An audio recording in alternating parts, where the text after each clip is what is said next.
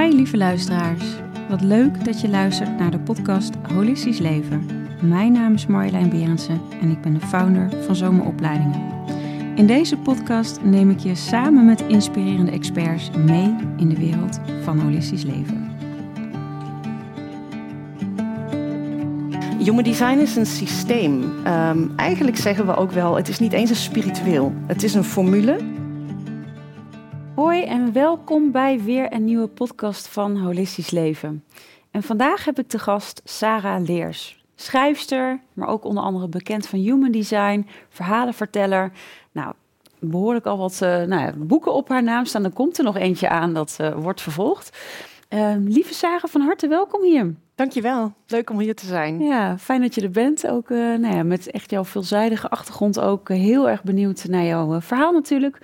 Maar voordat wij nou ja, van start daarin gaan, wil ik eerst weten van jou wat jij onder holistisch leven verstaat. Ja, dat vind ik zo'n mooie vraag. Um, ik versta onder holistisch leven eigenlijk dat je alles wat zich aandient in je leven um, van betekenis maakt. En dat alles met elkaar verbonden is. En alles, um, niks gebeurt voor niks. Hmm. Dus elk symptoom, elke kwaal, elke ontmoeting misschien ook wel, is de bedoeling. En ja, dat verband daartussen zien, dat is voor mij holistisch leven. Alles mag erbij. Ja. Heel, ja, ja, holistisch. Ja, ik zie het ook helemaal in je gezicht. Zo, oh, zo, zo leef jij het ook ja. Uh, nu, hè? Ja, ja, Ik, leef, ik leef ook zo. Dat is ook zo. En dat, is, uh, dat was al voor Human Design zelfs. Um, ja, dat ik, dat ik heel bewust en ook heel sensitief, maar dat ik naar alles kijk. Wat, wat vertelt dit mij? Wat kan ik hiermee doen? Um, waarom komt dit op mijn pad? Wat is de betekenis erachter? Soms vinden mensen dat um, te ingewikkeld. Of zeggen ze, hè, niet alles uh, heeft een betekenis. Sommige dingen zijn toeval. Ja, en ik, ik, zie, ik zie toch wel patronen vaak. En ja. uh, uh, symboliek bijvoorbeeld ook. En voor mij is human design een instrument om dat ook nog eens heel mooi te kunnen duiden. Mm. Dus um, ja, zo kijk ik heel holistisch ja. naar alles in het leven. Mooi. Um, maar ja, zo ben je uh, nu. In ieder geval heb je ook al voor de Human Design natuurlijk ervaren. Hoe was je als kind? Dus neem ons eens mee van ja. vroeger tot waar je nu staat. Um, ik, ik ben een uh, middelste kind van uh, tussen twee meisjes, twee zussen heb ik, of dus drie meisjes in totaal. en wij zaten qua leeftijd ook heel dicht op elkaar. Dus um, dat is denk ik wel, ik zat altijd een beetje in een squeeze, zeg ik. Mm. En um, we gaan het er zo nog over hebben, over de human design type. Ja. Mijn uh, uh, oudste zus is een generator en mijn jongste zusje een manifesting generator. En ik ben een projector ja. zonder motorcentra. Ja. Um, ik heb van nature eigenlijk vrij weinig energie. En wat je dan ziet in een gezin waar juist veel energie is, dat de projector, en zeker als er geen motors zijn, die gaat het hardst werken. Mm. Uh, want ik vergroot eigenlijk die energie uit. Dus ik ben altijd een kind geweest wat heel erg, um, nou sowieso wel denk ik heel observerend is. Um, en uh, zeker toen ik naar de middelbare school ging, ben ik heel hard gaan werken. Mm. Um, heel veel studeren. Ik deed ook nog de vooropleiding van de dansacademie mm. naast school. Dus dat was heel intensief. Yeah. En ik was heel conscientieus, uh, heel eigenlijk wel een beetje streberig. Mm. Uh, om mijn plek maar een soort te vinden en ook eigenlijk controle te hebben ook wel. Um, ik vind ook heel veel dingen interessant en leuk. Dus ik wilde me ook graag in dingen verdiepen. Maar dat harde werken, dat heb ik wel heel sterk um, uh, elke keer met me meegedragen. Ook toen ik ging, uiteindelijk ging studeren. Um, dus dat is wel iets wat mij, mij altijd heeft gekenmerkt. Mm. Um, mede door hoe ik ben opgevoed. Uh, maar het zit ook een beetje in mij. Ja. Dus, uh, ja. ja. ja. Mooi ook om weer terug te horen. En jouw ouders? Want die hebben natuurlijk ook in het gezin uh, ja. daarin een ja. rol. Um, ja, mijn ouders zijn um, allebei best wel sterke uh, personen, vind ik zelf. Um, zij botsten ook wel regelmatig. mijn vader die heeft altijd gewerkt als bestuurder en politicus. Mm. En zij hebben dus, wij hebben dus zijn heel erg mee opge opgegroeid met uh, de wereld naar buiten toe. En um, uh, mijn vader heeft heel erg een hart voor, dus echt zo'n oude van de oude stempelpoliticus. Dus heel erg een hart voor de het openbaar bestuur, voor de mensen. Mm. En ehm, dat was waar het altijd over ging bij ons thuis. Mm. En ik heb daar, wij alle drie, denk ik, mijn zussen ook, we hebben daar onbewust heel veel van meegekregen. Van ehm, hoe dat werkt bijvoorbeeld met de media. En hoe het werkt met beeldvorming. En hoe het werkt in de maatschappij. Eh, we zien de laatste jaren natuurlijk enorme verandering, ook onder invloed van de media en door de ontwikkelingen in de wereld. Ehm, en dat is wel iets, ja, dat, is, dat, dat geeft weer een hele nieuwe dimensie. Ik, ik ben zelf altijd heel erg geïnteresseerd geweest en nog steeds in ontwikkelingen in in, het, in de wereld, in de maatschappij. Ik heb ook geschiedenis gestudeerd. Dus, eh, en dat is eigenlijk vooral om, om ja, me te verdiepen in mensen en waarom ze doen wat ze doen. En wat ze, eh, waar we vandaan komen. En waar dat ons nu naartoe brengt, hè, in de toekomst ook. Ehm, dus ja, dat, dat heb ik ook wel van thuis meegekregen. Ik denk dat wij ehm, ook allemaal op een bepaalde manier heel spiritueel zijn. Ehm, met het besef dat er meer is. eh, hè, en dat dingen een betekenis hebben. En dat we zoeken naar eh, ja, de, energie erachter. Ehm, dat zit ook wel echt in de familie. Dat heeft nooit heel veel, vroeger nooit zo'n plek gekregen. Maar zeker de laatste tijd komt dat heel sterk naar boven. Dus eh, dat is wel iets waar ik ook door gevormd ben. Ja. Ja, mooi.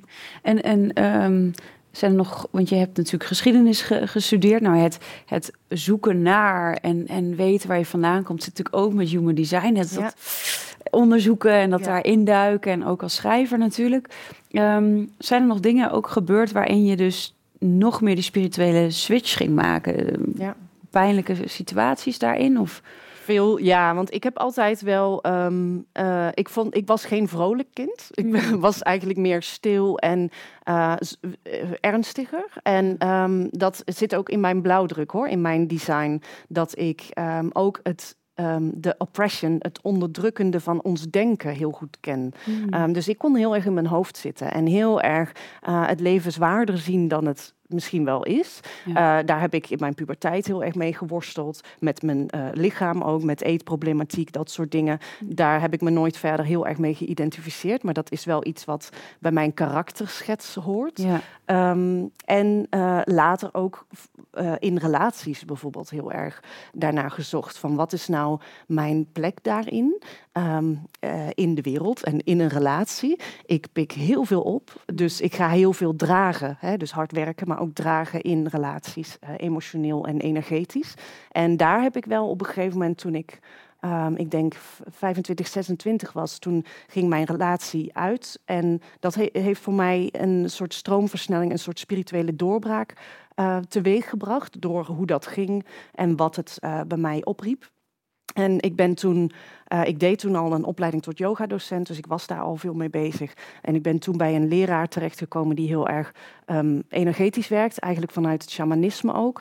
Eh, daar ben ik eh, ruim zeven jaar bij in de leer geweest. Dus ik ben een soort energetisch helemaal binnenste buiten gekeerd, zeg ik Mm. altijd. En in, in die tijd ook, dat was in 2008, eh, ontdekte, kwam ook human design op mijn pad. Dus dat was een, een tijd van enorme eh, snelle eh, veranderingen en spirituele transitie. Ja. In 2008 was dat voor mij, toen was ik 26. En ehm, ja, vanaf toen ben ik eigenlijk dat, dat pad ook heel serieus naast mijn werk als schrijver. Ik heb altijd als schrijver gewerkt. Ja. eh, dat ernaast gaan doen. Dus dat waren twee sporen en die zijn altijd naast elkaar blijven lopen. ja. En steeds meer inmiddels eh, één spoor geworden. Ja, ja, want je schrijft natuurlijk ook over human design. En, want heb je toen ook Guido ontmoet dan? Ja, ook toen, eh, in eh, 2008, toen ehm, eh, kwam ik eigenlijk door een artikel in The Happiness eh, op Human Design. Ehm, zij schreven daar als eerste, denk ik, over. Human Design was nog heel onbekend. En Guido was een van de eerste in Nederland die ehm, dit systeem had leren, ja, daarmee kon werken. Ja. Eh, hij is opgeleid door de grondlegger, door Ra, eh, grondlegger van Human Design. Ja. En ehm, ik ging bij hem een reading doen. Mm. En omdat ik werkte als schrijver en ook veel bezig was met spiritualiteit en, en persoonlijke ontwikkeling, ehm, vroeg hij mij: wil je voor mij wat teksten schrijven en eens meedenken over dingen?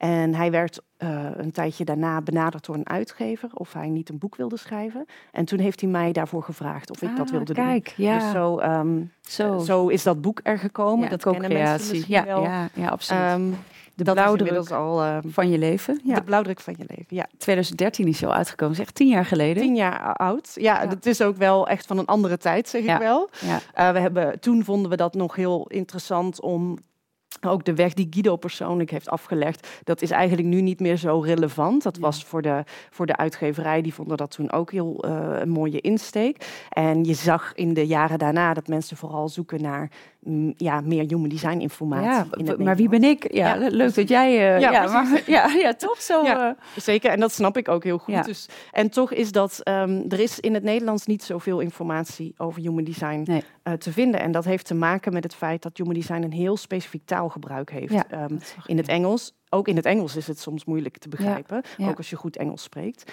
En ehm, dat komt omdat er een hele grote invloed van de I Ching in zit. Mhm. En dat is de Chinese ehm, spirituele leer, eh, die is heel poëtisch. Ja. Het is bijna poëzie. Ja, En om dat te, op diepere lagen te kunnen doorgronden, ja, dat is meer een soort eh, eh, studie. Een, Ja, is dat is al een meditatie. een soort contemplatie. Is Dat je er echt gaat zitten. En, want goed, mensen thuis die luisteren, die denken human design. Een groot aantal zal weten wat het is, maar een aantal ook niet. Dus Sarah, wat is human design? En dan kunnen we daarna Ja, in. eh. Verder eh, erop in. Ja, Ja. eh, human design is een formule eigenlijk. En ik zeg dat woord specifiek omdat jouw zon in, in de poort staat, die ook te maken heeft met formule, Mhm. ehm, met patronen. Human design is een systeem. Ehm, eigenlijk zeggen we ook wel, het is niet eens een spiritueel. Het is een formule. en daarin zitten heel veel verschillende elementen en invloeden. Op basis van die formule wordt een berekening gemaakt over wie jij bent. Jouw Ja. blauwdruk Ja. wordt berekend. En eh, een element wat we daarvoor gebruiken is eh, de astrologie. En daarom vragen we dan je geboortedatum en tijdstip Ja. om je blauwdruk te kunnen berekenen. Ja. Eh, ja, daar komt dan een, dat kun je gewoon online gratis doen. Ik denk dat veel mensen dat al wel eens voorbij hebben zien komen. Daar komt dan een soort schematische weergave van een mens uit. En daaruit kunnen we heel veel aflezen over ehm, wat je kwaliteiten zijn, waar je, hoe je energie werkt, hoe jij keuzes maakt, waar je bestemming ligt. Ehm, ook waar je eh, geneigd bent om af te dwalen van wie je bent. Juist ook ehm, waar je lessen te leren hebt op Ja. dat vlak. Eh, ja, en zo zitten er nog heel veel lagen Ja, in. lagen, ja. Dat is Heel veel praktische adviezen ook Ja. eh, kun je daaruit destilleren. En dat maakt het echt fascinerend. Ehm, we, we leven nu in een tijd dat veel mensen op zoek zijn naar houvast en eh, ja, richting willen voor hoe richt ik mijn leven dan in? En Mhm. eh, wat, wat is specifiek voor mij? ja. En human design is een science of differentiation, zeggen we. Een wetenschap van differentiatie, van verschillen. Wij zijn allemaal anders. Ja. En dat spreekt heel erg aan in deze tijd. Eh, ja, want we komen erachter dat we inderdaad allemaal anders zijn. ja. En Ja. dat niet alles voor iedereen hetzelfde werkt. Hey, en eh, Sarah, zou je ook kunnen zeggen, goed, dan pak ik hem weer even iets, iets, iets vanuit een spirituele invalshoek. Ehm, hè, dat eh, als, je, als mensen ervoor openstaan en je gelooft daarin dat je eh, hebt uitgekozen, nou, bij die familie wil ik incarneren, dus op die tijd krijg ik de blauwdruk mee met die talent vanuit het universum, zodat ik mijn zielsplan, mijn zielsmissie kan gaan volgen. Ja, Dus hoe Ja. beter je jezelf kent, eh, ook vanuit dus de human design, hoe beter je op een gegeven moment ook je kan vormen, zodat je dus op dat zielsplan of, of die zielsmissie, dat je die blijft volgen. Kan Ja. ik dat zo? eh, ja ik zie dat Ja? wel zo. Ehm, eh, dat wordt in de human design wereld niet per se Nee. zo belicht en benadrukt. En de, de internationale Human Design School, het instituut waar je human design echt als professioneel analist kunt leren, eh, dat is eigenlijk heel schools en heel Ja. eh, systematisch. Ehm, maar ik, in de jaren dat ik ermee werk, nu sinds 2008, eh, zie ik eigenlijk, en, en zo zit ik ook in elkaar, hè, dat, dat holistische, eh, dat je ehm, precies die blauwdruk krijgt die jou in staat stelt om jouw zielslessen te leren ja. en jouw missie, jouw hogere missie in dit leven te komen doen, te komen brengen. En ook daarbij in dat specifieke gezin, waar je in dat gezin en die familie, want ik Ja. zie ook het hele ja, familiesysteem. een voorouderlijn. Ja. eh, Ja, absoluut. ja, Dat is iets wat ik heel erg, ehm, heel graag juist naar kijk en me in verdiep. Omdat, ja, daar zit ook dat historische waar ik zo van hou. Hè. Dus die, die verhalen en die patronen die je steeds weer ziet terugkeren.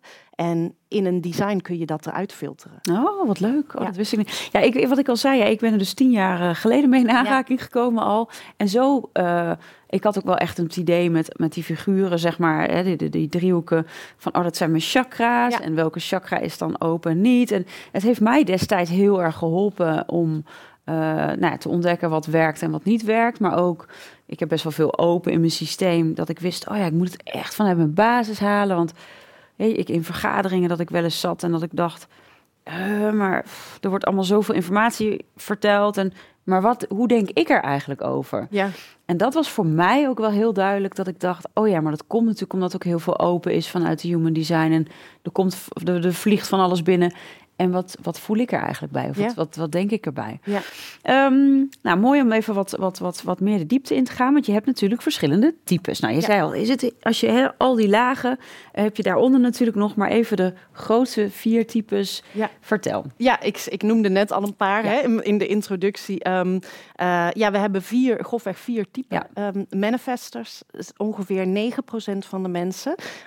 zij zijn hier om initiatief te nemen en eigenlijk als eerste met iets nieuws te komen. Mm -hmm. uh, zij kunnen uit zichzelf de energie opbrengen om te manifesteren. Daar ja. zit dus het woord manifester aan gekoppeld. Um, daarna heb je een grote groep, 70% En die verdelen we ook wel onder in generators en manifesting generators. Generator energie, ik noem dat eigenlijk vaak als één groep. Uh, ik wijs ook meteen naar de onderbuik. De, de, energie, de power van het generator en manifesting generator zit in het sacrale centrum. Het heilige, het heilige vruchtbare creatiecentrum. Um, die tweede chakra zou je kunnen zeggen. Daar zit je uh, motorische kracht om te genereren. Ja. En generators zijn echt bouwers. Zij kunnen, als ze aangaan, als die motor gaat draaien, heel steady, heel toegewijd bouwen en uitbouwen. En, en verder, uh, verder iets uitbreiden en samenwerken met elkaar. Ja. Uh, hè, generators zijn heel erg van met elkaar samen. En uh, zij hebben een omhullend aura. Um, waardoor zij ook met elkaar, de hele groep, um, heel erg het ritme van de maatschappij kleuren en bepalen. Um, en dat kan je positief of negatief zien. Ja. Um, het, is, het is een gegeven, het is ook enorm krachtig. Ja. Dus uh, ik zeg altijd, generatorkracht is het, het krachtigste wat er is op de wereld. Als je een generator bent, dan heb je echt een, je zit op een pot met goud, zeg ik wel eens. Ja. Want daar zit je goud. Als je daarmee in contact, en met die onderbuik in contact kan komen, dan uh, ja, en je gaat echt voelen wat is voor mij en wat niet, dan uh, kan jouw leven echt een andere wending nemen. In elk geval de, de wending die voor jou de juiste is. Dus Ja. dat ga je dan ook voelen Ja. als vervulling. Ja. Dat is heel belangrijk voor deze groep. Het onderscheid wat we maken, ik noemde dat al even bij mijn zussen. Um, uh, generators zijn van nature vaak heel steady. Mhm. Uh, als zij eenmaal ergens op aangaan, dan kunnen ze het ook nou, jarenlang uh, blijven bouwen op hetzelfde ja. spoor. Wat rustiger daarin, misschien wat langzamer. Manifesting generators zijn van de, die hebben een soort manifestatiekracht erbij. Uh, zoals die manifester, hè, die, dat andere type. Um, als zij aangaan, dan kunnen ze ook heel snel handelen. Dus zij zijn vaak wat sneller. Soms lijkt dat wat een soort impulsiever. Dat hangt een beetje van de rest van het design af. Maar ook um, slaan ze snel wat stappen over. Ja. En dat is precies de rol die de manifesting generator heeft in te nemen. Om uh, ja, snel, gepassioneerd, uh, in korte tijd iets neer te zetten. En vaak zie je dat zij daarna ook wel weer toe zijn aan iets nieuws, aan het ja. volgende. Waar een generator dan nog heel blijft gestaag, blijft doorgaat. bouwen. En ja. dat is een heel belangrijk onderscheid, waar zij elkaar soms ook helemaal niet kunnen vinden. Nee. Uh, de, en terwijl dat dan één groep is uh, qua, qua energieveld en qua ja. strategie. Ja. Um, ja, en zo heeft ieder type een belangrijke rol. Ja, en dan de, de laatste type is? Uh, projector, projector type. Ja. En we hebben nog een reflector. Precies, de reflector heb je nog. Ja, um, projector type is ongeveer 20% van de mensen. Ja. Projectors zijn hier om de energie van die andere type eigenlijk te gidsen vooral ja. in de nieuwe tijd, ja. om waar te nemen, om een coach of een teacher te zijn, een leraar. Ja. En um, heel erg uh, te erkennen wat er is. Ja. Dat is de rol van de projector. Um, en reflectors zijn heel zeldzaam, 1 à 2 procent. Ja, dat is heel weinig hè? Ja, ja. Um, ik zie ze wel vaker voorbij komen op uh, sociale media, waar ik actief ben op Instagram. Ja. Um, daar krijg ik wel regelmatig vragen, maar ze zijn procentueel gezien echt een, een, echt een kleine minderheid. Uh, reflectors hebben alles open in hun ja, design. echt alles open. Alle centra zijn dus wit. Um, ze hebben wel wat uh, poorten, zoals we dat noemen, cijfertjes geactiveerd. Maar eigenlijk hebben zij geen consistente energie van zichzelf. En zij zijn hier om volledig te spiegelen. Oh, Hè, daar zit ja. het woord reflector ook ja, in. Ja. Um, en dat is best een andere positie. Zij, zij staan een beetje tegengesteld aan de rest van de, van de wereld. Ze staan er ook een beetje buiten. Dus Mm. ze hebben niet een actieve rol van een leraar of een coach of een initiator of een bouwer, maar meer een spaceholder, zeg je Ja, wel eens. ja. Ehm, en ja, dat is soms in onze wereld, vinden reflectors dat lastig in te vullen, dat begrijp ik. ja. Want we leven toch in een materiële wereld en ik heb toch een baan nodig en hoe verdien ik dan mijn geld? Eh, maar eigenlijk mag een reflector echt. Eh, zit, zit, een reflector zit op een goede plek als, als die kan spiegelen wat er in het grotere geheel aanwezig is ja. aan, aan thematiek en aan energie. En, en eventjes, eh, als we er weer even uitzoomen. eh, je komt hier op aarde, je besluit iets te doen. Waarom zou een grootste deel eh, kiezen voor de type Ja. generator, manifest en generator? Ja, ik denk dat dat ook wel, dat is gewoon de verdeling zoals we die nodig hebben in de wereld. Ja. Omdat anders komt er niks van de grond. Iedereen kan, ja, dan komt de manifestors kunnen het dan even van de grond tillen. Maar daarna zakt het Laat weer in. weer vallen. Ja. Ehm, eh, en projectors zijn hier eigenlijk, die hebben daar eigenlijk dus de energiekracht, de motorkracht niet voor. eh, om te manifesteren of te genereren. En reflectors obviously ook Nee, niet. niet, Ehm, nee. eh, maar dus er is heel veel power nodig om de, aan de wereld te bouwen. Om ehm, ehm, eh, kinderen te maken en kinderen groot te brengen. Om een maatschappij op, op te richten met elkaar. Ja. Scholen, het, hele, het hele systeem. En daar ook met elkaar voldoening in te vinden om lekker te werken. Dat is eigenlijk iets wat heel erg bij generators hoort. Eh, bezig zijn, werken ehm, eh, op een manier die vervulling Ja. geeft. Dat is heel belangrijk. Ja, want dat is wat, eh, wat ik eerder natuurlijk tien jaar geleden een beetje hoorde. De generators zijn een beetje de werkbijen. Ja. En, en dan heb je zo'n beetje zo de, de, de bijenkorf. En toen dacht ik, nou ja, oké, ik heb inderdaad wel heel hard gewerkt Ja. met zomer. Maar ik zie toch mensen altijd een beetje verrast kijken dat ik zomaar zo heb opgericht. Het is natuurlijk best wel heel groot geworden. En, en de boeken die zijn geschreven, daar zit natuurlijk heel erg die generator energie in. Ja. Maar hoe zie jij dat? Ja, dat is, eh, dat is een mooi voorbeeld daarvan. Ik hoor wel eens, eh, eh, soms vinden generators en manifesting generators het moeilijk dat ze een van de grote groep zijn. Terwijl ieder mens is uniek. Iedereen heeft een unieke blauwdruk. En dat is maar een grove verdeling in die type. Je type zegt iets over je aura, je energieveld en hoe jij keuzes maakt. En daarmee ook wat je rol is. Ben je een bouwer, een ziener, een eh, initiator of een eh, spaceholder, zo Ja. zou je het kunnen zeggen. Ja. Eh, ja, dus daar zit je rol aan gekoppeld en hoe je dan, eh, welke strategie je hebt om op jouw pad te komen. Eh, en daarbij zitten nog allerlei elementen die jou echt uniek maken. Dus het gaat niet over wie is bijzonderder of Nee. hè, ook geen hiërarchie. nee, nee. Ehm, dat is, vind ik altijd heel belangrijk, want juist generators, als zij in verbinding staan met die sacrale power, kunnen ze zo'n mooie bijdragen. En het is zo'n mooi vervullend pad wat zij kunnen bewandelen. Ehm, ja, je ziet vaak, generators zijn heel toegewijd. Als zij gaan voor het juiste, als zij echt aangaan, dan kun je echt bouwen. Dan kun jij echt dingen groter maken. Dat is iets waar ik als projector, ik heb dus geen motorenergie. Ik kan dat niet uit mezelf. Ik, Ja. ik heb daar echt andere, de juiste uitnodigingen voor nodig. Ja. Ehm, daarvan denk ik, wauw, ik zou ook wel een generator willen zijn. Ja. Want dan, ja, dan heb je die power gewoon. Want heb jij ook, ja, dat is misschien even wat persoonlijk, maar zoek je ook je partner uit op. op ja, precies. ja, ja, zeker. Ik kan me voorstellen dat een generator naast jou dan wel heel fijn zou kunnen zijn. Dat kan, ja. Daar Of- zijn heel veel dingen over te vertellen. Ik ben al jaren eigenlijk bezig met een boek over human design en relaties. Ja. Maar daar, daar komt steeds een ander boek eh, voor. Ehm, gezondheid maar- is voorbij geweest. ja, en, ja. dus, ehm, eh, maar dat gaat er ook nog komen. Want het gaat eigenlijk, human design is eigenlijk ook een tool om jezelf te leren kennen. Ja. Maar ook vooral om samen te leven met die ander. ja. En eh, we zeggen wel eens, eigenlijk kun je het best met hetzelfde type samen zijn. Want eh, projector met projector, manifestor met manifestor, generator met generator. Want dan werkt de energie hetzelfde. ja, die begrijpen elkaar ja, eigenlijk. en dan kun je zeggen. ook eh, deconditioneren, hè, dus loskomen van alle conditionering van wat je niet bent. Juist omdat je daar elkaar in kunt bekrachtigen, als het ware. Ehm, maar daar is één uitzondering op. En dat is de alliantie tussen projectors en generators. Eh, dat is een hele belangrijke alliantie voor de toekomst ook. Uh, wij zeggen in Human Design dat we vanaf 2027 een nieuw tijdperk ingaan. Hmm. En dat is eigenlijk al volop in beweging. We zijn al bijna in 2027. Ehm, en dan wordt die samenwerking tussen projectors, die kunnen waarnemen, die kunnen erkennen, die kunnen aanwezig zijn en die kunnen bijsturen.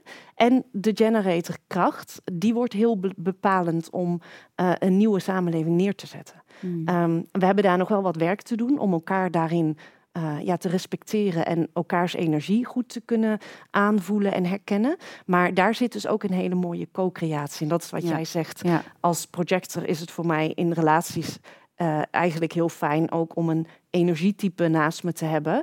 Een generator of manifesting generator. Want zij kunnen um, ja, dingen in gang zetten. Ja, precies. Ja. het, de valkuil is dat ik op die energie ga. Ja. En dat ik eigenlijk die energie leen kan natuurlijk kan wel even. Leen, ja. Maar, um, ja, maar niet langer doorga. en uh, hè, ik ga dan over de grens, als het ware.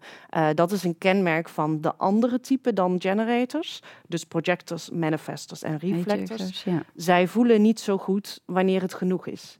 Um, want ze, gaan, ze voelen eigenlijk al die energie van van de anderen. Ja. Uh, en dit is ook iets wat we overigens bij generators veel zien door conditionering. Dat we niet meer goed voelen, collectief, uh, waar de grenzen liggen. Hmm. Uh, heb ik genoeg? Ben ik vervuld? Ja. Of ben ik al te ver over de grens? Ja. Dat zie je ook. Daar ja, met alle burn-out en alles wat zich zo aandient. In ja, dus dat is niet alleen iets van die andere type. Uh, zie je ook heel erg bij generators. Maar manifestors, projectors en reflectors zijn heel sensitief voor die generator-energie, want die hebben we gewoon heel veel in de wereld. Ja. Dus we hebben dat met elkaar samen uh, uit te zoeken en in balans te brengen, als het ware. En hoe verhoudt zich dat tot hoogsensitiviteit? Daar hou ik me natuurlijk mee bezig. Hoe, hoe, zie je dat? Ja, mooie vraag ook. Ik wil daar um, uh, uh, een, een masterclass online over geven over leer, leerstijlen en leerafwijkingen. Maar die zijn er niet. Maar goed, hè? dus wat wij dan zo noemen hoogsensitiviteit, ADHD, dyslexie, hoogbegaafdheid bijvoorbeeld. Um, hoogsensitiviteit kun je niet, bijvoorbeeld, niet direct nee, zien in een, eh, chart. Nee, Net als ADHD ook niet. Um, soms zeggen mensen dat wel, van als je deze, dit hebt of die pijltjes zo. Het is altijd een combinatie van mhm. elementen. Sowieso is het dat generators en manifesting generators en projectors, zij hebben een heel open aura. Ja. Um, manifestors en reflectors hebben een gesloten aura. Ja. Um, de, de typen met een heel open aura nemen heel veel in zich op en zijn sowieso daarin heel sensitief. Ja. Ook de motorcentra. Er zijn in de chart vier motors, uh, motorcentra. Als er open motors zijn, dan ben je heel sensitief. Dus hoe meer open motors, hoe sensitiever je eigenlijk motorenergie oppikt. Dat zijn wel al kenmerken van sowieso hoogsensitiviteit. Um, ja, en daar kunnen nog wat andere aspecten in zijn. Ik zeg wel eens, ik denk dat eigenlijk iedereen hoogsensitief is, maar dat dat minder bij de een wat, wat sterker naar voren komt uh, dan bij de ander. En de een heeft er meer last van dan de ander. Dus, uh, en volgens mij is dat ook wel iets wat we kunnen ontwikkelen. Een, een, bepaalde ja, sensitiviteit in het algemeen. Ja. ja dus, uh, ja. Maar dat is interessant om jouw visie daarnaast te leggen en te kijken van hoe ga je, um, hoe ga je om met die verschillende typen daarin. Uh, een, een, manifesting generator die hoogsensitief is, is echt totaal anders dan een projector die ja. hoogsensitief is. Ja. En, en toch kunnen ze beide hoogsensitief zijn. Ja. Ja, dat uitzicht is weer anders dan. Ja, uh, ja. Ja. Um, ja, ik zat. Ik, ik heb echt honderden vragen natuurlijk. um, ik zit even te denken. Ik ben eventjes de vraag kwijt. Ik had er echt eentje dat ik dacht, oh, die moet ik echt niet vergeten. Nou ja, inderdaad over hoe je hier incarneert, welke keuzes je maakt en uh, Um, maar wat als je het nou gewoon niet weet? Hè? Dus, want ik sprak iemand, is misschien wel even een leuke intro, uh, via uh, Swami Punachatanya, die hier ook in de podcast is geweest. Die zei, Marlijn, daar kun je een horoscoop laten maken. Dat is echt, die, die kijkt dan, uh, dat is weer echt vanuit de Indiaanse cultuur, die kijkt dan weer naar die ster en dat verandert niet ten opzichte van de westerse, ja. nou, heel verhaal daarover. En um, nou, dat was dus heel specifiek. Maar jij geeft bijvoorbeeld ook heel erg aan van, nou, 2027 ja. verandert verandert er wat. Ja. Is dat dan ook vanuit die astrologie dan samengekomen dat ze dat dan zien? Want, ja. want hoe verhoudt ze dat dus tot gewone horoscopen, maar ook bijvoorbeeld tot de Ayurveda? Want dat is wel wat ik merkte. Ik, was ook heel breed georiënteerd, eh, nog steeds hoor. Daarom is natuurlijk die opleiding tot holistisch therapeut waar alles invalt uh, uh, ontstaan.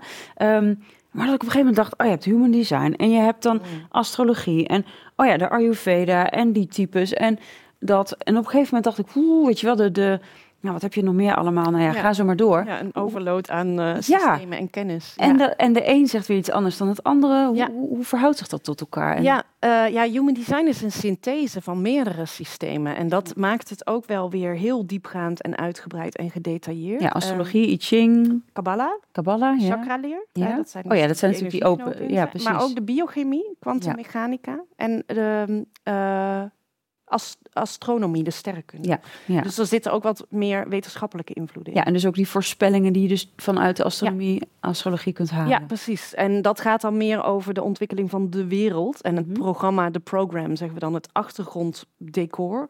Dus eigenlijk de horoscoop van de planeet. Ja. Uh, de, onze wereld heeft ook een horoscoop. Um, en we zien dus in 2027 dat er een nieuw tijdperk aanbreekt. Ja. En uh, dat gaat over 400 jaar komt er weer een nieuw tijdperk. Het tijdperk wat nu komt, is wel voor het eerst sinds 6000 jaar. Ja? Uh, heeft het een heel individualistisch thema. Uh, we zijn de afgelopen, nou ongeveer 6000 jaar, hebben we altijd geleefd in een maatschappij die ofwel heel tribal is, of heel collective. Um, dus, en de tribe gaat heel erg over de familie, de mhm. stam, uh, de maatschappij, ons land. Hè, dit is mijn club en dat is jouw club. Uh, en we moeten goede afspraken maken met elkaar, deals sluiten, elkaar ondersteunen daarin. Dat is het tijdperk waar wij tot nu toe in zitten. Um, collectieve tijdperken, collective energie, gaat heel erg over het grotere geheel, het collectief. Dat gaat om delen van kennis en informatie, uh, ervaringen opdoen, taalontwikkeling, dat hoort daar allemaal in. En voor het eerst nu, sinds duizenden, duizenden jaren, gaan we naar een tijdperk wat heel individualistisch is, wat gaat over ik. Uh, wat geeft mij vervulling? Hoe kom ik verder in het leven? En we zien dat al gebeuren. Hè. We zien al een beweging van, uh, ja, mensen maken zich los van de systemen van de tribe.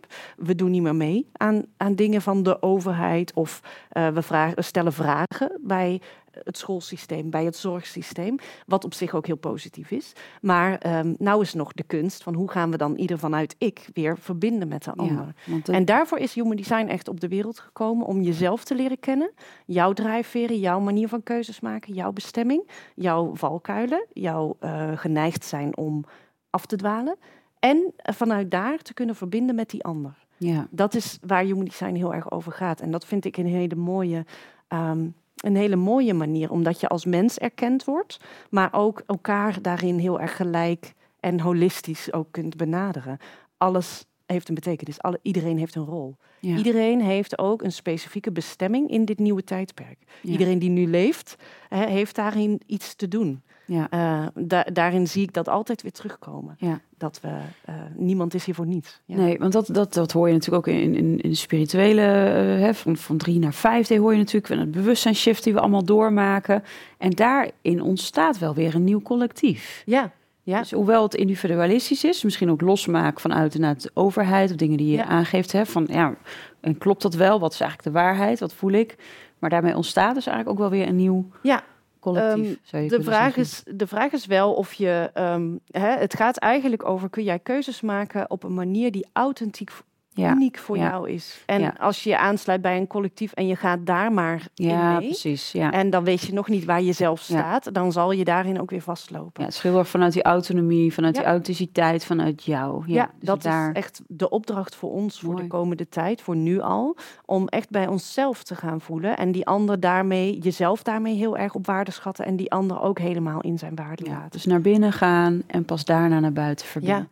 Nou, want dat is ook wat we even kort in het voorgesprekje over hadden. Hoe zit dat met, uh, nou, met, met misschien ouders die luisteren om hun kinderen zo goed mogelijk te begeleiden? Ja, we zeggen wel eens human design is gekomen voor kinderen. Ja. En vooral ook de kinderen vanaf 2027 eigenlijk. Omdat die in een heel nieuw tijdperk leven waarin de human design adviezen noodzaak zijn. Want uh, het collectieve systeem, dat werkt niet meer. Dus hè, gewoon maar naar school en een diploma halen en een huis kopen. Ja, dat zien we nu al. Dat lukt niet meer. Nee. Dus uh, wat dan wel? Wat is dan wel voor jou? Dus zo kunnen we onze kinderen daarin al opvoeden. Ook de kinderen van nu. Je ziet dat zij al met een ander bewustzijn komen. Ja. Zij pikken veel meer op. Zij hebben bepaalde lessen, hoeven zij al niet meer. Omdat ze daar al uh, Ja, klaar mee zijn. zijn. Ja. Zij kunnen dus al meteen met hun bestemming veel meer komen. En ze hebben wel nog te maken met een oud systeem wat tegenwerkt. Dat is ook niet voor niks. Zij hebben ook gekozen om nu te komen uh, en om daar een rol in te spelen. Uh, wat je ook ziet dat veel kinderen ja, toch in uh, gezinnen terechtkomen waar, of kiezen om geboren te worden, waar de ouders uit elkaar gaan. Dat, dat is ook een tendens, die hoort daar helemaal bij en dat is helemaal oké. Okay. Um, ook, want zo'n kindje kiest daar ergens op een onbewust niveau ja. voor.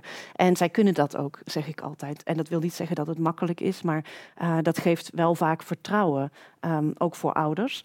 Um, alles zit in het design al. Dus ook hoe een kind leert en hoe een kind, um, uh, ja, waar de voorkeuren liggen, waar ze goed in zijn. En dat is natuurlijk super waardevol uh, voor een kind ook om zo gezien te worden. Ja. Dus dat is um, iets heel belangrijks waar Human Design mee komt.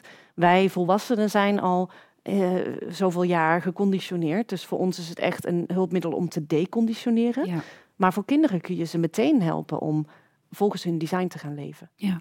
Hey, en Sarah, jij hebt uh, natuurlijk daar ook best wel wat, uh, nou, je, je, in ieder geval twee boeken al over geschreven. Ja. Je bent bezig met je derde. De relatie komt er ook nog aan. Ja. um, want mensen, nou, die gaan dit misschien zien. Die kunnen naar jouw uh, website natuurlijk ook om, om wat in te vullen. En hoe lees je het dan? Ja, Um, dat is natuurlijk best wel. Er zit zoveel zit informatie zoveel en zoveel lagen. Ja, ja, um, ja het, het eerste boek is eigenlijk een heel goed begin. Ja, um, de blauwdruk je, van je leven. De ja. blauwdruk van Human Design, de blauwdruk van je leven, wat ik samen met Guido heb geschreven. daar staan. Daar wordt eigenlijk de, de bodygraph, de chart helemaal uitgelegd. De centra, ook de kanalen. Uh, en de vier typen. Uh, Ja. Vier of vijf typen. Ja. Uh, dan hebben we ook nog een profiel. Dus in dat boek staan ook de profiellijnen. Dat is een hele belangrijke basis. Ik hoor wel eens dat mensen zeggen: ja, dat weet ik wel, dat hoef ik niet te lezen. En dat ze later dat boek lezen en ineens vallen er diepere. Toch weer klikt. Ja, ja want ja. Daar, dat is gewoon een, heel belangrijk om steeds die basis eigenlijk heel goed ja, te doorgronden. Misschien ook juist als je er al langer mee bekend bent. Um, en dan kun je je strategie gaan leven. Dat is, dat is het belangrijkste. Hè. Mensen vragen wel eens van hoe kan ik met mijn design binnen mijn gezin functioneren? Of hoe kan ik uh, loskomen van conditioneringen? Het antwoord is altijd um, luister naar je, uh, volg je strategie en je beslissingsautoriteit. Ja. Die twee elementen. Je strategie is gekoppeld aan je type. Ja. En je beslissingsautoriteit is een van de centra meestal. Um, dus uh, eigenlijk heel erg lichamelijk. Uh, wij, Human Design is een instrument om terug in verbinding te komen Ja. met het weten van je lichaam. Je lichaam. Ja. En niet je hoofd, want daar zitten allerlei invloeden bij en verhalen en overtuigingen um, hè, om mentaal beslissingen te nemen. Maar echt naar de autoriteit in je lichaam te gaan. Dat is uiteindelijk het belangrijkst. En je kan natuurlijk helemaal uh, in al die kennis duiken. Uh, mijn tweede boek gaat over human design en de blauwdruk van je gezondheid. Gezondheid, ja. Dat geeft weer een extra invulling op um, je, je verteringstype. Dat is heel belangrijk als vervolgstap om te gaan eten en leven volgens jouw um, ja, cognitie. Ja. Uh, PHS noemen we dat in Human Design. Primary Health System. Dat gaat echt over hoe jouw fysieke gezondheidssysteem in elkaar zit. En dat helpt jou ook weer om op de juiste manier keuzes te maken en je bestemming te kunnen leven. Ja. Dus dat zijn eigenlijk heel concrete stappen. En daarna kun je verder in die kennis dus duiken. De valkuil is dat we in de kennis blijven zitten. Want er en, komt hierna ook nog een boek uit, ja, hè? Ja, ik uh, ben bezig met een, met een uh, volgend boek over de blauwdruk van je bestemming. Ja. Um, want ik, hè, dat boek over relaties, dat ligt er. Maar uh, ik merkte dat heel veel mensen willen eigenlijk weten, wat kom ik hier doen? Ja, precies. En eigenlijk, wat moet ik voor werk doen? Ja. Nou is dat laatste niet een vraag die je kan beantwoorden met Human Design. Ik geloof geen enkel systeem, behalve misschien een beroepskeuzetest voor zover dat dan uh, betrouwbaar is. Um, ik zeg altijd, je bestemming is echt wat anders dan je beroep. Je bestemming is meer een overkoepelend thema, een hoger thema, uh, wat wel een richting geeft over Ja. Ja, waar je iets in te doen hebt. Maar wij zijn hier allemaal om daar invulling aan te geven. Wij zijn hier eigenlijk om ons eigen beroep te creëren. Ja. Uh, in, binnen die bestemming. En dat nieuwe boek gaat daarbij helpen om zicht te krijgen op je bestemming, op welke omgeving voor jou specifiek bijdraagt aan het leven van jouw bestemming. En uh, ook je profiel daarin. Je profiel is dat, die cijfercombinatie. Ja. Um, dat speelt daar ook een belangrijke rol bij. Dus uh, dat is weer heel veel leuke informatie. En daar heb ik ook de grote disclaimer bij uh, van... Hey, het weten van je bestemming is niet het leven van je bestemming. Ja, precies. Dus echt ook, uh, daar heb je nog wat uh, aan te doen. Ja. ja. Nou, laten wij ook wat uh, even weer ja. afwisseling wat doen. Nou, mijn dingetje valt hier op de grond. je mag een kaartje trekken. Daar staat een vraag op.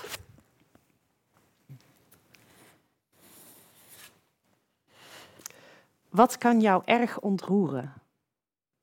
Mooi, mooie vraag. Um, ik denk muziek, soms ineens. Uh, dat is echt, uh, ja, ik ga dan meteen duiden in, in de Human Design Chart. Ja. Alle individuele uh, kanalen in het individuele circuit, die hebben een link met het akoestische, met muziek mm. en uh, met melancholie. En daar zie ja. je dus heel duidelijk de link dat muziek en melancholie met elkaar verbonden zijn, maar ook met vernieuwing, met um, ja, het luisteren naar, uh, wat er, naar de toekomst misschien wel, maar wat er nog niet is. Het weten, een innerlijk weten. Um, ja, dat is. En verhalen ontroeren mij. Uh, ja, en, en, dan verhalen met mooie muziek erbij, dan, ja, ja. dan kan dat soms uh, heel erg ontroeren. en kwets, de kwetsbaarheid van kinderen, dat heb ik ook altijd heel erg gehad. Ik heb zelf geen kinderen en ook eigenlijk geen kinderwens. Maar ik heb wel altijd een hele sterke affiniteit gehad, dus met, de, met bijna de hulpeloosheid van, van kinderen. En uh, misschien is dat ook wel een van de redenen waarom ik Human Design zo interessant vind, omdat het een tool is voor kinderen. Om ze iets te geven waar ze mee gezien worden en waar we ze mee kunnen helpen om uh, ja, een leven te leiden wat beter bij ze past. Ja, dus die bestemming ook uh, te vinden en te leven. Ja, ja. ja. mooi. Nou, dan gaan we naar een aantal uh, luisteraarsvragen. ik zag al dat er um, nou ja, best wel wat uh, dingen heb ik zelf ook al gesteld, zie ik inmiddels. Uh, even kijken. Um, ja, nou jij zei het al even. Je kunt dus ook ja, hier wordt die, ik stel hem wel even. Kun je dingen zoals familietrauma's of vorige levens terugzien in de human design? Ja, ja, ja, ik kan dat zien. Dat is niet iets wat je, um, wat je op internet gaat vinden. Of nee. um, ook niet in boeken. En zelfs niet bij de human design opleiding. Um, maar ik doe dat door de analyse in, met mensen waar ik mee werk in mijn trajecten. Uh, als de designs van ouders en soms ook voorouders aan bod komen, dan zie ik daar bepaalde thematiek in. Um, en ja, ik kan ook voelen uh, waar, uh, waar een groter thema zit. Ja. Dus dat kun je wel zien, dat kun je er wel uithalen, maar daar is niet één, één Um, ja, niet heel duidelijk. Nee, niet maar één aspect voor. Maar het zit er zeker in, want ja, niks is voor niks. Ja, ja. We hebben echt een specifieke blauwdruk. Eigenlijk ook om de lessen van onze voorouders uh, vervolg te geven. Om die verder uit te werken en dat ook terug te geven aan het familiesysteem. Ja. Um, ja, eigenlijk dus, op te schonen. Ja, ook. Ja, maar het ook ver, verder uit te bouwen. Ja. Waar zij nog niet aan toe kwamen of wat, wat de tijd nog niet Door was. Te bouwen op, ja, wij komen ook iets teruggeven aan het familiesysteem. Ja, ja mooi. Ja. op schonen, teruggeven, doorbouwen. Ja, klinkt, klinkt goed. Ja, maar hier zegt ook iemand, die is even wat sceptischer. Wat als je je niet herkent in je human design? Ja, dat is ook altijd een mooie vraag. Dat komt wel va vaker voor dat mensen een aspect niet herkennen. Of ja, heel het design, dat zou kunnen. Ik de, dan kunnen er meerdere dingen zijn. Of het is je niet goed uitgelegd, waarschijnlijk. Ja. Ja. Um, hè, want uiteindelijk is de beste manier om je design te leren kennen door een reading te krijgen van iemand die daar goed voor is opgeleid. Tegenwoordig zie je heel veel mensen die, ja. die human design ergens een cursus online gedaan hebben. Um, het is echt een, het is een systeem, het is een wetenschap, het is een formule, het is een studie. Um, en het vraagt een hele specifieke duiding.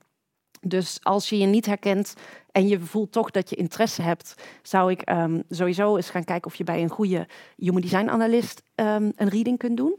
Um, wat ook kan, wat wel gebeurt, is dat je de verkeerde geboortetijd hebt. Oh ja. Er kunnen kleine verschillen zijn, soms grote verschillen als een tijdstip net anders is. Als het heel anders is, dat komt ook wel eens voor, dat mensen eigenlijk niet goed weten wanneer en hoe laat ze geboren zijn. Dan is het zinvol om je tijdstip te laten berekenen. Uh, dat kan bijvoorbeeld door een Vedisch astroloog. Ja, die heb ik Ehm, gehad, ja. Een Vedisch astroloog. Ja. Ja, ehm, en zij doen bijna een soort wiskundige Ja. eh, astrologische Ja. berekening. Is heel boeiend. is echt Ik snap daar zelf helemaal niks van. Nee, maar het is echt gaaf. Ja. Ja. En zij kunnen, ik heb dat ook laten doen, omdat er ook in mijn design ja, rond mijn geboortetijd iets heel wezenlijks verandert. Eén minuut s- shift, shift er iets. En eh, een Vedisch astroloog kan bijna op de seconde berekenen. Ja. In mijn geval. Dat zal misschien Ja. niet altijd kunnen. Dus dat is heel, eh, het is even een werk, want je, je moet heel veel gegevens invullen over dingen in je leven. Maar het is eh, zeker aan te raden. En dan kan je ook toetsen of je design wel klopt. Mooi. Misschien even een kleine side note voor degene die deze vraag stelde. Ik heb een tweelingzus en wij schelen maar zeven minuten. Hmm. Maar wij zijn wel echt heel anders. Ja. Plus, wat die Vedische astroloog ook zei... dat het heel erg uitmaakt eh, wanneer ze de tijd eh, kijken... op het moment dat jij geboren wordt. Is dat op het moment dat het hoofdje staat? Is Ja. het moment dat de schoudertjes zichtbaar zijn? Is het moment dat het kind er doorheen komt? Of is het moment... eh, oh ja, shit. Oh ja. Ja. hoe laat is het nu eigenlijk? Ja, Dat maakt heel erg uit. dat maakt Precies. uit. Want je zegt die minuten, Ja, dat kan. dat kan, dus, kan dus. In, dus, dat, dus dat vind ik wel heel mooi dat je dat ook nog wel aangeeft. Ja, want mensen Ja. die geadopteerd zijn of wat dan ook, ja, die weten dat natuurlijk ook niet. Nee, dat, ik, die vragen krijg ik vaker. Ja. Wat wel ook heel belangrijk is bij deze vraag, en zeker ook bij tweelingen of meerlingen, is eh, ook het aspect van conditionering. Vaak herkennen we ons niet in ons design omdat we geconditioneerd zijn en zeggen: Ik doe dat precies tegenovergesteld.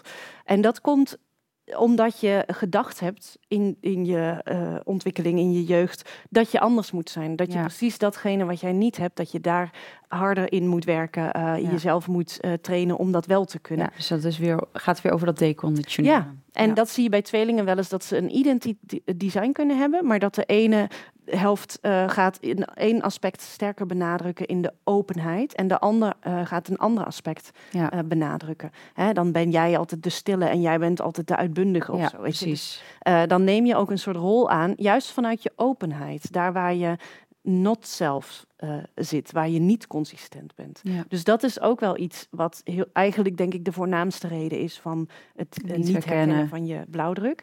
En ook daarvoor zou ik aanraden om eh, een reading te doen. En Ja. met iemand eens te praten over welke kenmerken zijn dat dan. En Ja, kan ik terugkomen bij mijn blauwdruk. En toch misschien daar heel veel wel in herkennen. Ja, gaaf.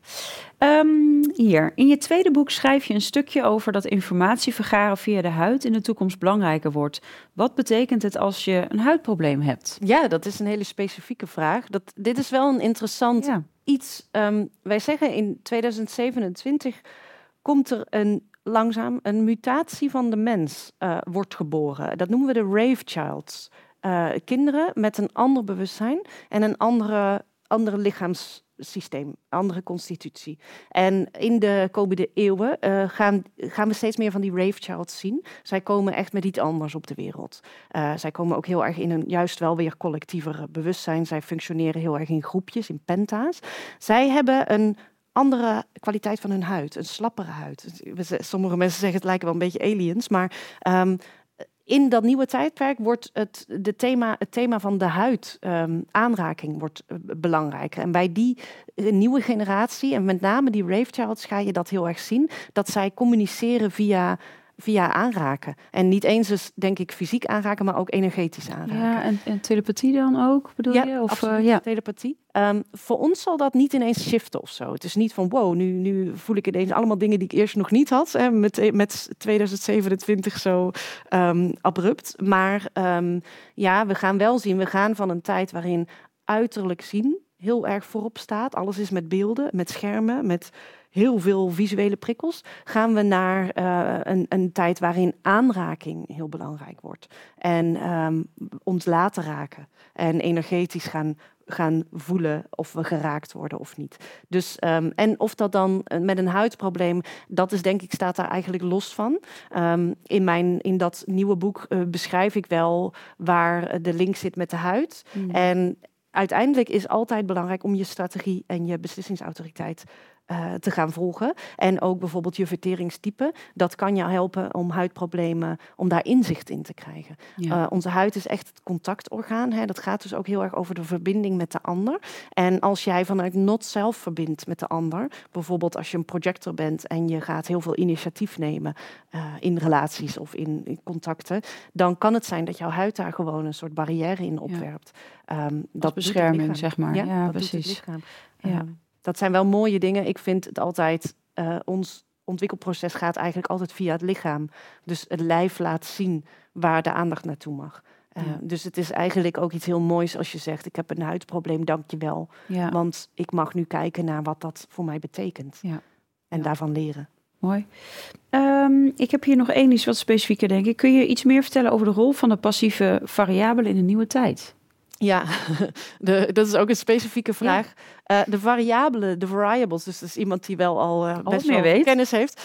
Uh, dat zijn de pijltjes die je bij je chart Oh ja, ja, ja, dat zijn Daar, de pijltjes. dat is wel iets wat veel mensen over gehad. Ja. kennen. dat gaat over hoe je brein functioneert en hoe je denkt.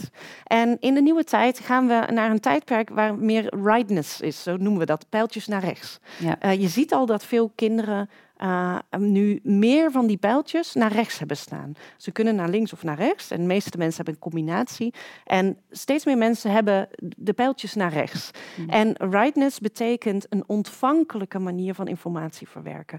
Passiever. En dat klinkt, uh, sommige mensen denken passief, ben ik een soort lui of zo. Maar het is eigenlijk heel um, creatief, heel erg afgestemd op de bron van informatie. Uh, en juist dus niet in de actie niet strategisch, niet gefocust zoals onze voorouders leefden. En heel erg planmatig en bijna berekenend denken, wat is mijn next move? Ja. Uh, maar het naar je toe laten komen. Ja. En dat is wel een shift, want wij leven nog heel erg volgens die oude manier van ik moet bedenken wat mijn volgende stap is. En ook dus materieel en qua uh, strategie uh, een plan hebben. En voor right mind, uh, right brain, werkt dat niet zo. Dat lukt gewoon niet op die manier. En dat ga je ook zien in het onderwijs. Dat het onderwijs bijvoorbeeld niet meer aansluit bij kinderen met veel rightness. Want zij, zij werken veel associatiever en creatiever. Ja, ja mooi. Ja. Uh, even kijken. Um, nou, dit, dit, dit hebben we allemaal gevraagd. Ja, ik ga geen dubbele vragen natuurlijk stellen. Ja, nee, dit gaat allemaal weer iets te veel de diepte in. Ik stel voor dat we lekker naar een uh, oefening gaan. Ja, goed. Want je hebt iets uh, bedacht, hè? Meditatie. Ja. ja. Ik wilde graag een meditatie doen over het keelcentrum. En het keelcentrum, dat zie je in de bodygraph, dat is een heel belangrijke plek, want eigenlijk alle verbindingen gaan daar naartoe. Dit is het centrum van manifesteren, van hmm. spreken en communiceren. En ook heel erg jezelf neerzetten in de wereld. En voor iedereen, voor elk type, is dit eigenlijk een heel mooi uh, schakelcentrum om daar je energie vrij te maken. Nou, mensen thuis, uh, zet je auto aan de kant als je aan het rijden bent. Uh, pak even ja, een moment voor jezelf. En dan mag je lekker meegaan in deze meditatie. Je mag gaan zitten met je beide voeten op de grond. En je mag je ogen sluiten.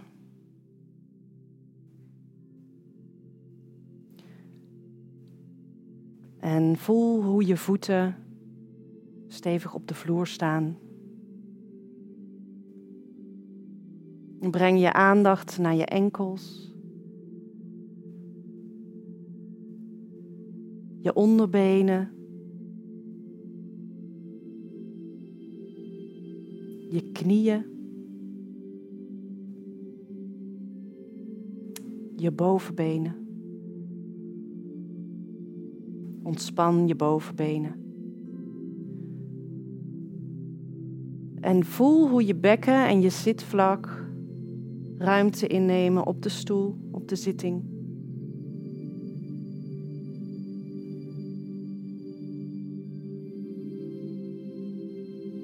Vanuit deze stevige bedding volg je je wervelkolom omhoog met je aandacht.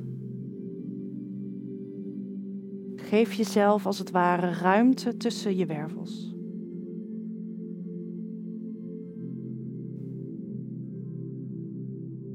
Ontspan je schouders, je nek. Ontspan ook je hoofdhuid. en je voorhoofd.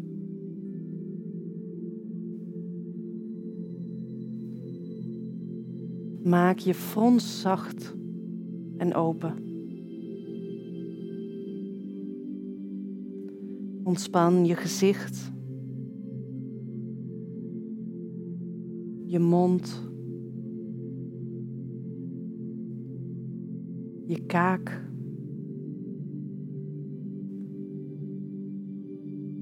Ontspan je hals, je borst. En maak je buik zacht.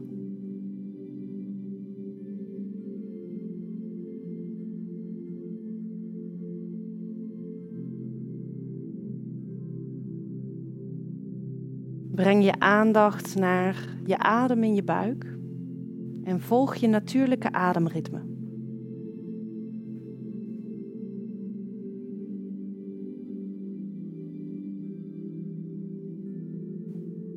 Volg het rijzen en dalen van je buik.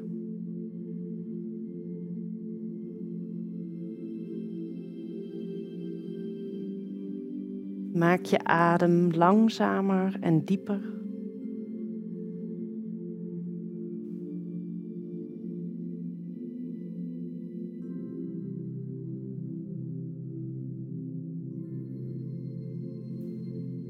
Kijk of je nog meer kunt verdiepen en vertragen.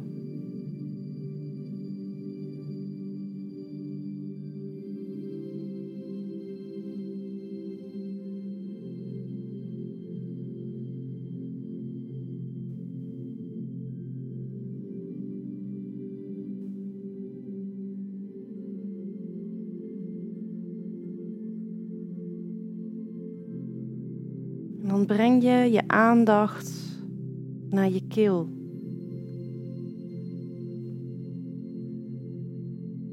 Voel hoe de adem in en uit langs je keel stroomt.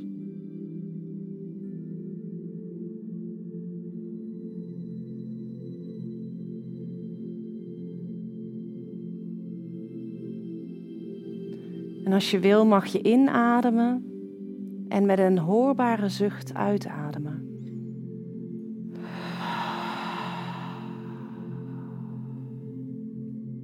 Maak dit geluid in je keel en geef jezelf ruimte in je keel. Doe nog maar een keer inademen en met een hoorbaar geluid uitademen.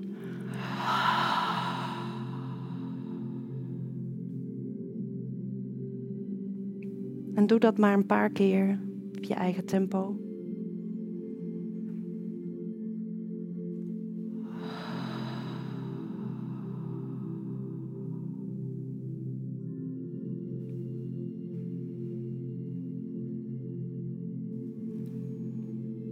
En voel je ruimte creëert in je keel. Misschien voel je dat je wil gapen. Of dat je keel wat meer ruimte kan maken.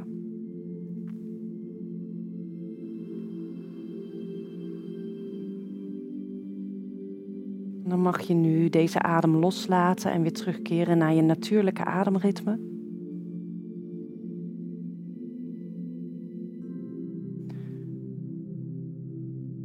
En visualiseer dan een helder blauw licht, hemelsblauw, transparant, in je keel.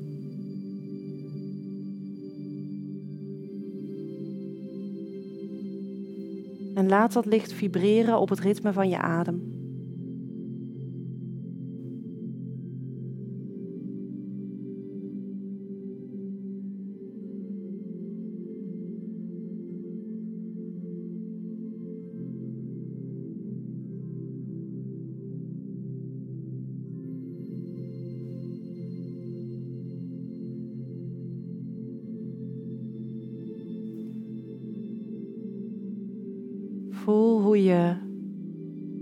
Met dit blauwe licht jouw plek inneemt. Vanuit dit centrum van manifestatie en communicatie.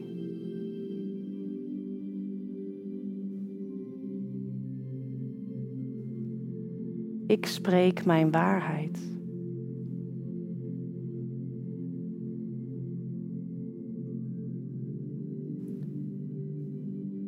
Ik vertrouw op mijn zuivere kern.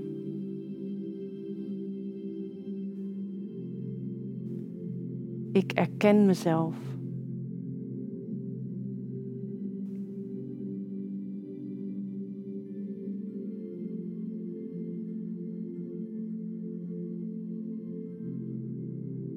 Vanuit de keel mag je dit blauwe licht laten verspreiden door je hele lichaam. Naar boven toe, naar je hoofd. En naar beneden, je borst, je armen, je buik, je bekken, je benen. Kijk of je jezelf helemaal kunt inkleuren met dit heldere, transparante blauwe licht.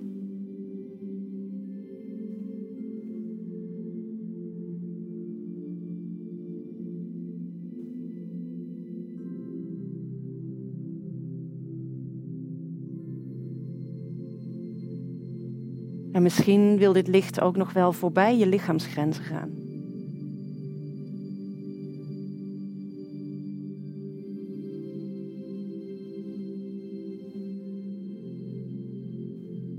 Dit is wie jij bent.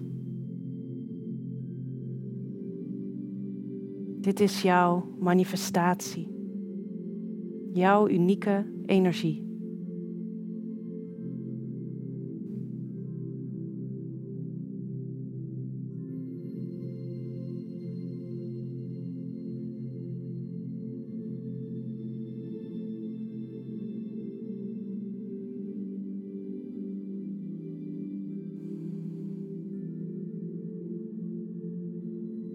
Elke inademing neem je heldere, zuivere energie tot je. En met elke uitademing laat je los wat jij niet bent.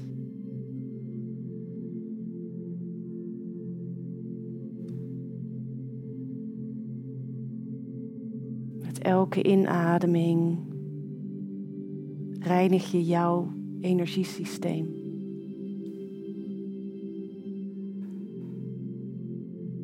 Met elke uitademing laat je conditioneringen los.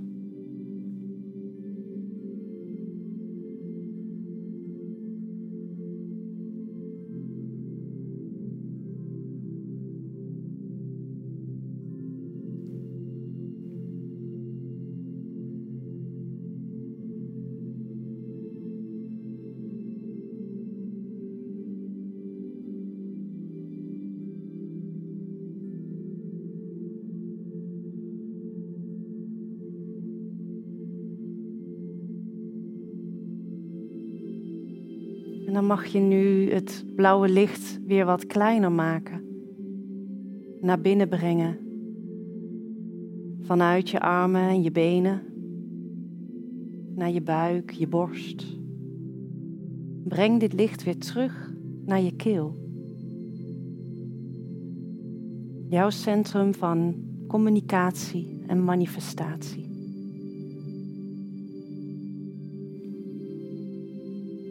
Dit blauwe licht helpt jou jezelf te laten zien op de manier die bij jou past. Jouw authentieke zijn. Dit kleine blauwe lichtje in je keel kan jou helpen je te herinneren aan jouw blauwdruk.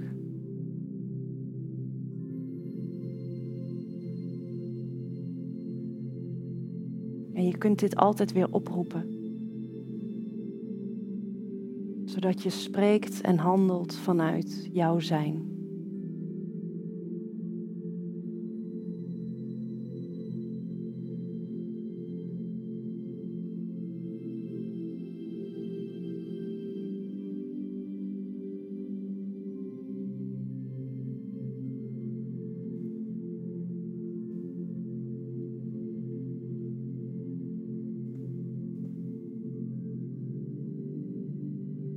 Breng dan je aandacht weer naar je lichaam. Je lichaamsgrenzen. Word je weer bewust van je voeten op de grond. Je zit vlak op de stoel. Word je weer bewust van jouw adem.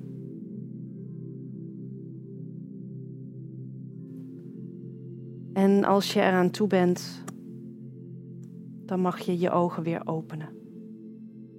Welkom terug. Dankjewel. Nou, dat was een hele fijne meditatie.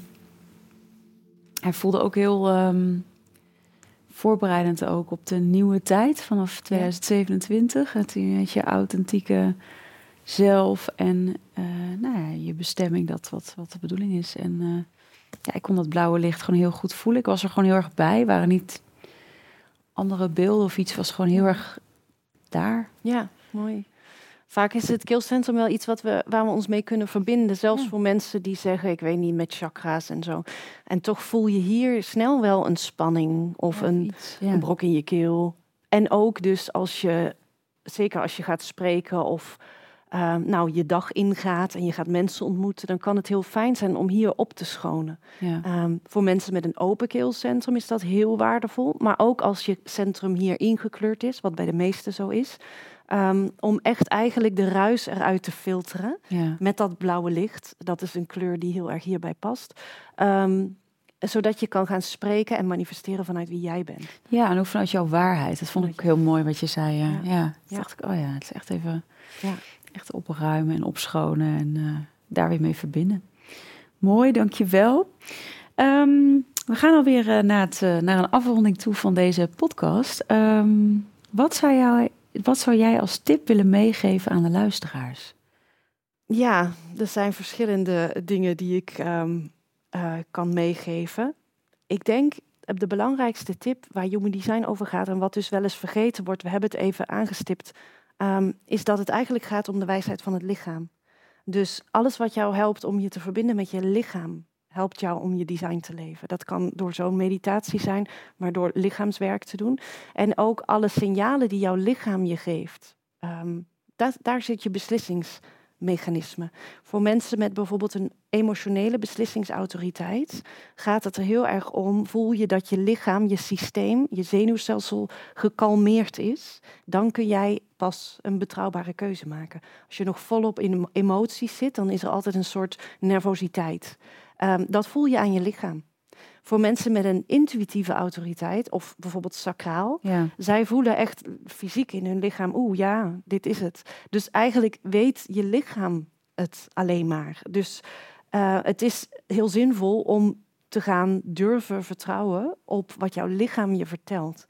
Ook als er dus problemen of uh, kwalen, uh, klachten zijn, uh, die zijn er niet zomaar. Die vertellen jou iets over waar je naar mag kijken. Dus um, ik denk dat het heel mooi is voor ons om weer te verbinden met het lichaam en het lichaam ook heel erg uh, te bedanken voor wat het laat zien, ook al is het pijnlijk of moeilijk, dat het ja, ons helpt om naar binnen te keren.